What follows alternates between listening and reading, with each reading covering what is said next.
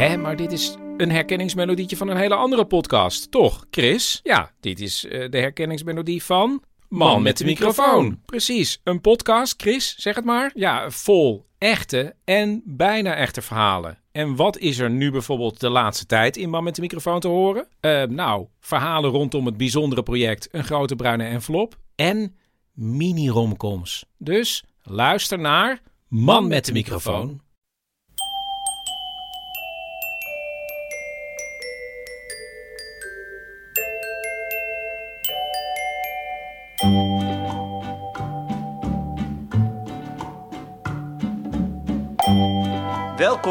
Aflevering 275 van Echt Gebeurd. De podcast waarin waargebeurde verhalen worden verteld door de mensen die ze zelf hebben meegemaakt. In deze aflevering een verhaal dat Minka Nijhuis in maart 2017 bij ons vertelde tijdens een verhalenmiddag met als thema Oorlog en Vrede.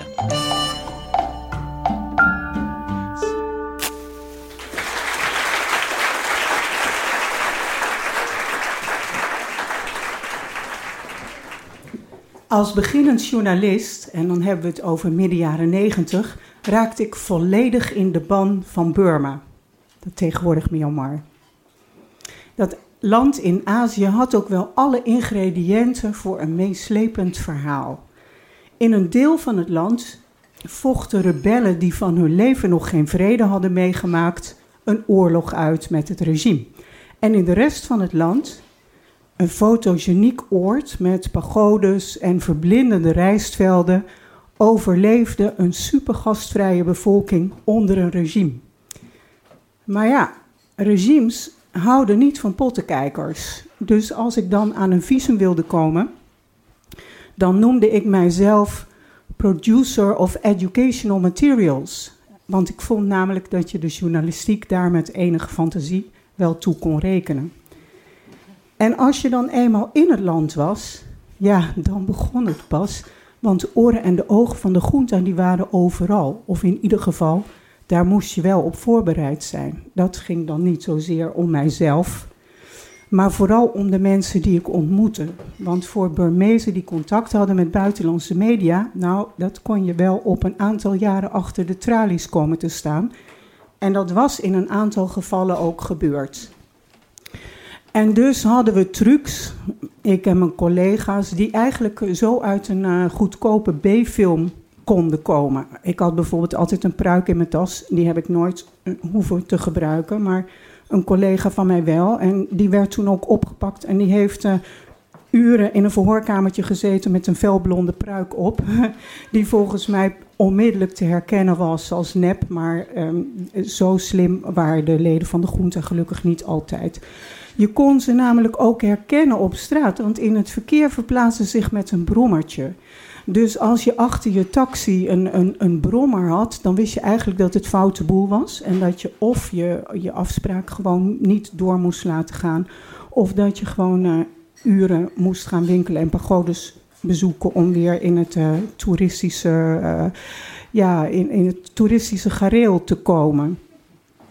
We hadden ook voor alles codes. En een Amerikaanse journaliste met wie ik veel op stap was, die noemde mij altijd bij een andere naam op straat om de geheime dienst op een dwaalspoor te brengen. En dan riep ze altijd keihard: March, this is beautiful, look at this lekkerware. En ik haatte dat March, maar het was wel voor iedereen heel erg duidelijk hoe ik heette andere codewoorden. Een interview heette een, uh, in een souvenirwinkel uh, gaan kijken. En als er demonstraties waren, wat best regelmatig gebeurde door burgers die toch die moed hadden, dan heette dat naar een feestje gaan. En zo gebeurde dat op een avond, nou het was eigenlijk nog in de, in de middag, de spanning opliep, want mensen waren inderdaad weer eens gaan demonstreren tegen het regime. En ik stond daar met mijn Amerikaanse collega en er verschenen soldaten, er verscheen politie, er gingen barricades omhoog. Kortom, de oorlog had ook de straten van Rangoon zo ongeveer weer bereikt. En zij vond het een goed idee als zij ergens anders in de stad zou gaan kijken.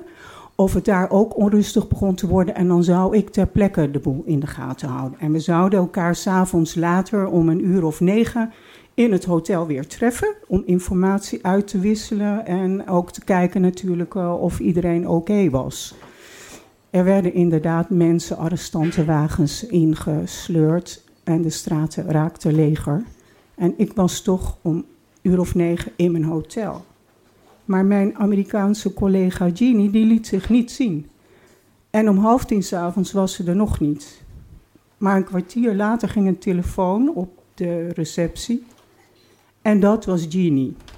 En ze klonk heel geagiteerd.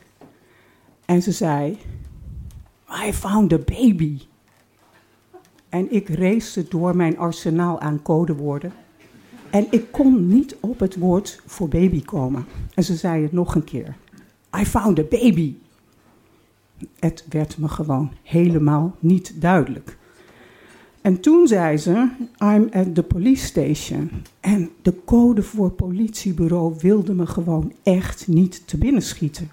Maar ze gaf me het adres en ze zei, je moet echt komen. En dat klonk zo dwingend dat ik vond dat ik geen andere keuze had dan toch maar op pad gaan naar het opgegeven adres.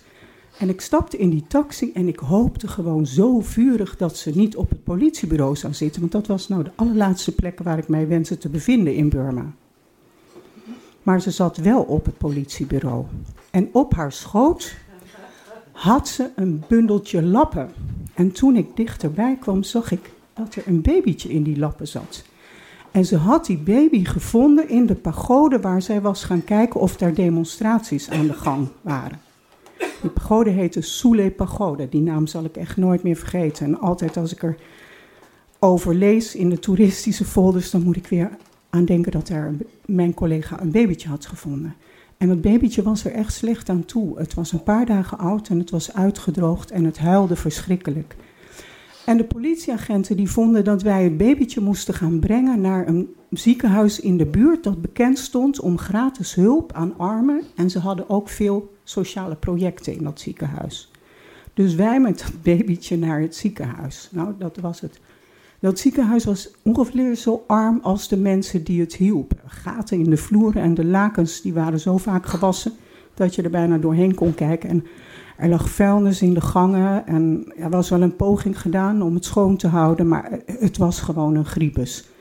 Maar niettemin waren de verpleegsters heel erg begaan met het babytje en ze boden onmiddellijk aan zich over dat kind te ontfermen. Waar wij natuurlijk ook dolblij mee waren. Want ja, wat, wat moet je als uh, undercover journalist met een vondelingetje? Er restte ons alleen nog wel een taak. De baby moest de naam. En dan was het gebruikelijk dat degene die de baby vindt, ook de baby een naam geeft. En als je echt helemaal niet weet wat voor naam, dan noem je zo'n kind naar de plek waar je het gevonden hebt. En dat was in dat geval Soule. Maar de verpleegsters vertelden ons dat Soule een ontzettend lelijke naam was voor een kind. Maar Sula, dat was wel een goede naam, want dat betekende namelijk een geschenk dat geluk brengt. En Sula had in ieder geval het geluk aan haar zijde, want zo ziek en uitgemergeld als ze binnenkwam, toen we enkele dagen later in het ziekenhuis kwamen kijken, toen was ze al behoorlijk opgeknapt. En volgens de verpleegsters ging ze het overleven. En het ging haar ook verder goed, want ze werd geadopteerd eh, door een lokale familie. En toen wij een paar maanden later op aanwijzingen van de verpleegsters in het ziekenhuis bij die familie op bezoek gingen, toen had Sula zich ontpopt tot een vetgemeste, zeer blakende baby. En de jurkjes en, uh, en, en t-shirtjes die we hadden meegenomen, die waren gewoon al, al veel te klein. Maar Sula bracht ons geen geluk het was een ongemakkelijke situatie bij die familie. Want ze, ze voelden zich toch wel angstig. Waarschijnlijk omdat ja, buitenlanders over de vloer, dat, dat was toch nog wel een heel groot punt in het Burma van toen. En ik denk dat ze misschien ook een beetje bang waren dat wij eh, overmand door moedelijke gevoelens Sula kwamen opeisen. Hoe dan ook, wij besloten dat het beter was om Sula in de handen van de familie achter te laten ja, Sula, een gift die geluk brengt, maar ons bracht het ongeluk, want niet zo heel lang daarna belanden wij op de zwarte lijst. En was het sowieso voorbij met uh, bezoeken en aan en informatie over Sula. En de jaren verstreken en er kwam toch geleidelijk aan wat meer vrijheid in Burma en ietsje minder oorlog. En het werd zelfs een toeristische vakantiebestemming. En zo kon het gebeuren dat ook onder een iets vrijer regering onze namen van de zwarte lijst geschrapt werden. En dat mijn Amerikaanse collega en ik voor het eerst sinds jaren weer door de straten van Rangoon liepen. En we dachten, we moeten toch eigenlijk proberen uit te vinden wat er nou geworden is van Sula. Want Sula was inmiddels een meisje van een jaar of 18 al. Dus wij naar het ziekenhuis. En dat ziekenhuis, dat bleek zich ontpopt te hebben tot een bolwerk van de oppositie, waar enkele artsen die zich destijds met Sula hadden beziggehouden, inmiddels belangrijke adviseurs van de regering geworden waren. Dus dat was ook een van de verrassingen die het ziekenhuis in petto had voor ons. Tweede verrassing was dat een van de verpleegsters ons herkende. En ze zei: Sula is in Singapore gaan studeren.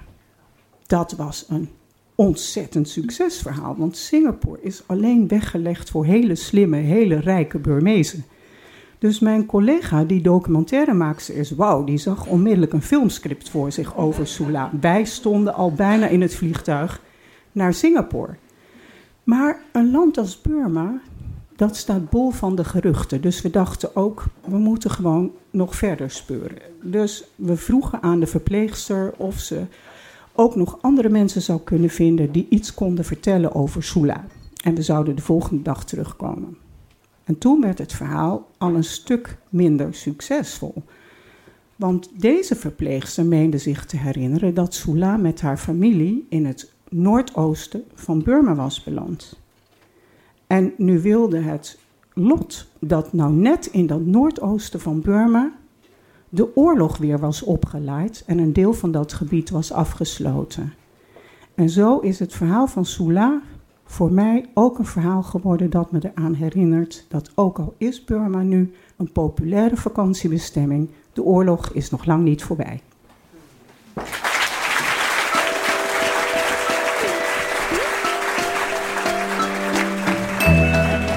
Dat was een verhaal van Minka Nijhuis. Minka is journalist en schrijver. Ze bericht al bijna 30 jaar vanuit conflictgebieden, van Syrië tot Myanmar. Afgelopen voorjaar verscheen bij uitgeverij Nijg en van Ditmar haar roman Gekkenwerk, de zorgvuldig bewaarde geheimen van een oorlogsjournalist. Een onthullend kijkje in de keuken van het vak. De redactie van Echt Gebeurd bestaat uit Paulien Cornelissen, Maarten Westerveen, Rosa van Toledo en mijzelf, Micha Wertheim. De productie doet Eva Zwaving. De zaaltechniek was in handen van Nicolaas Vrijman en de podcast wordt verzorgd door Gijsbert van der Bal. De tune die aan het begin en het einde van deze aflevering hoort is trouwens gemaakt door geluidskunstenaar Matt Wijn. Als je wil weten hoe dat muziekje tot stand is gekomen, dan kun je hem dat zelf horen vertellen in aflevering 165 van deze podcast. Die aflevering geeft een kijkje achter de schermen van Echt Gebeurd. Dit was aflevering 275. Bedankt voor het luisteren en vergeet niet om altijd een pruik mee te nemen.